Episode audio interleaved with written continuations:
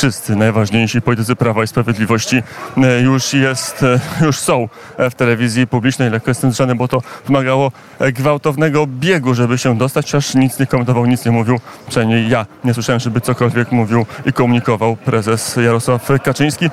Udało się Andrzejowi Gelbergowi przedrzeć tuż obok Jarosława Kaczyńskiego. Może zamienił słowo pan redaktor Gelberg. Jak wróci tutaj za bramki, to się e, dowiem, e, co e, właściwie, czy wymienił, czy się jakieś zdanie. Prezes Kaczyński mija ruchome schody i idzie chyba w kierunku windy, chociaż pierwotnie, pierwotnie skierował się do restauracji, stąd pewien zamęt, ale, ale teraz już jest tak, że prezes największej partii w polskim parlamencie i jednocześnie największej partii opozycyjnej jest w gmachu telewizji publicznej przy ulicy Woronicza. O czym zaświadczył Łukasz Jankowski w specjalnym programie Radia Wnet poświęconym mediom publicznym. Spróbujemy się z... Jeszcze wchodzi, jeszcze wchodzi e, były wicepremier Jacek Sasin. E, dzień dobry panie pośle, jakie dalsze plany? No zobaczymy, będziemy bronić do końca niezależności telewizji. To znaczy? No zobaczymy, zaraz e, będziemy tutaj reagować w zależności od sytuacji. Reagować? To znaczy co robić? No, Jest jakiś plan? jest plan, ale tak powiem, zostawmy to na W razie. którym momencie jesteśmy? Ale, Ale Co z polską demokracją, panie pośle? no polska, polska demokracja, polska demokracja już niestety nie istnieje w tym momencie, ponieważ, ponieważ okazuje się, że prawo w Polsce nie ma już żadnego znaczenia w tym momencie, nie, nie obowiązują ustawy, nie obowiązuje konstytucja. Mamy do czynienia de facto z zamachem stanu. Konsekwencje polityczne jakie będą? Znaczy myślę, że społeczeństwo powinno w tej sprawie przemówić. Czy to psucie TVP? Proszę pani, tego Proszę, konsekwencja? proszę pani, proszę panią, pani, pani redaktor, pani redaktor, e, wszystkie zmiany, które robiliśmy, robiliśmy zgodnie z prawem. Przyjmowaliśmy ustawy. Przyjmowaliśmy ustawy, był. I to był Jacek e, Sasin.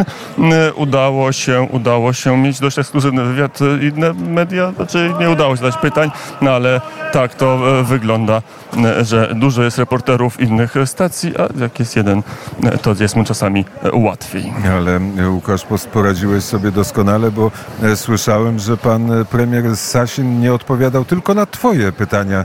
e, Odpowiadał, a nie odpowiedział na e, pytania, które zaczynało się od e, stwierdzenia to wy żeście e, zepsuli telewizję, Tak, e, tak, to telewizję e, pani reporterka z TVN2 24, ale tak, zawsze jest wolniejsza.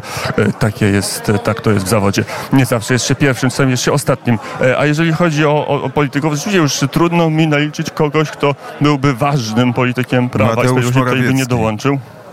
O, dobrze, że pan redaktor jest e, poza tym wirem i ma e, lepszą i bardziej przejrzystą opinię. Tak, nie widziałem premiera Mateusza Morawieckiego, który by się tutaj e, w, ma- w gmachu telewizji pojawił. Ale jest ciekawe, bo rzeczywiście pan premier Sasin, pan poseł Sasin powiedział w, Polsce demokracja już nie istnieje i powiedział mamy, mamy plan, ale nie chciał tego planu zdradzić. Ciekawe jaki jest to plan. Przecież nie może 191 e, posłów przez najbliższe 4 lata e, mieszkać w sekretariacie prezesa e, telewizji. To na pewno nie jest ten plan. Co to znaczy aż do końca, czyli aż do momentu, kiedy Donald Tusk wycofa się z tego, czy mamy do czynienia z pierwszym w historii strajkiem, w którym uczestniczą posłowie i to strajkiem okupacyjnym. O tym wszystko, o tym się przekonamy. A, a- też jeszcze warto e, zauważyć, że bardzo częste są e, wspomnienia stanu wojennego, więc ten gen strajkowania, gen opozycji oczywiście jest bardzo rozbudowany, jeśli chodzi o e, prawą stronę sceny politycznej, jeśli chodzi o e, posłów Prawa i Sprawiedliwości. Łukaszu? E, Tak to wygląda, rzeczywiście jest, jest gorąca atmosfera, chociaż e, mówiąc szczerze, ludzi cały czas to są raczej dziesiątki niż e, setki. Więcej na pewno jest polityków Prawa i Sprawiedliwości niż dziennikarzy i osób, które tutaj protestują w machu telewizji publicznej. By- Były wicepremier, obecnie poseł Jacek Sasin mówił o tym, że teraz się powinien ludzie wypowiedzieć. No pytanie, czy jest taka emocja po ośmiu latach rządzenia, kilka tygodni nowego rządu, to z reguły, w regule w, takich prawidłach politologiczno-socjologicznych nie jest moment na silną emocję antyrządową i na e, strajk. E, No, zobaczymy, m, jaką, ma, jaką mają jakie wyczucie nastrojów społecznych mają politycy Prawa i Sprawiedliwości. I kto- E, No, jak na razie I kto się kto? pomylił, czy, czy kto się pomylił, czy, czy pomylił się e, Donald Tusk, który wywołał te emocje, czy pomylą się politycy Prawa i Sprawiedliwości, którzy będą musieli się przekonać, że tych emocji, o których mówił Łukasz, e, nie ma. E, Prawo i Sprawiedliwość, największy klub parlamentarny, prezydent związany ze środowiskiem e, Prawa i Sprawiedliwości, e, mur wykopany między prezydentem, chociaż teraz jest Rada Bezpieczeństwa Narodowego, w której nie uczestniczy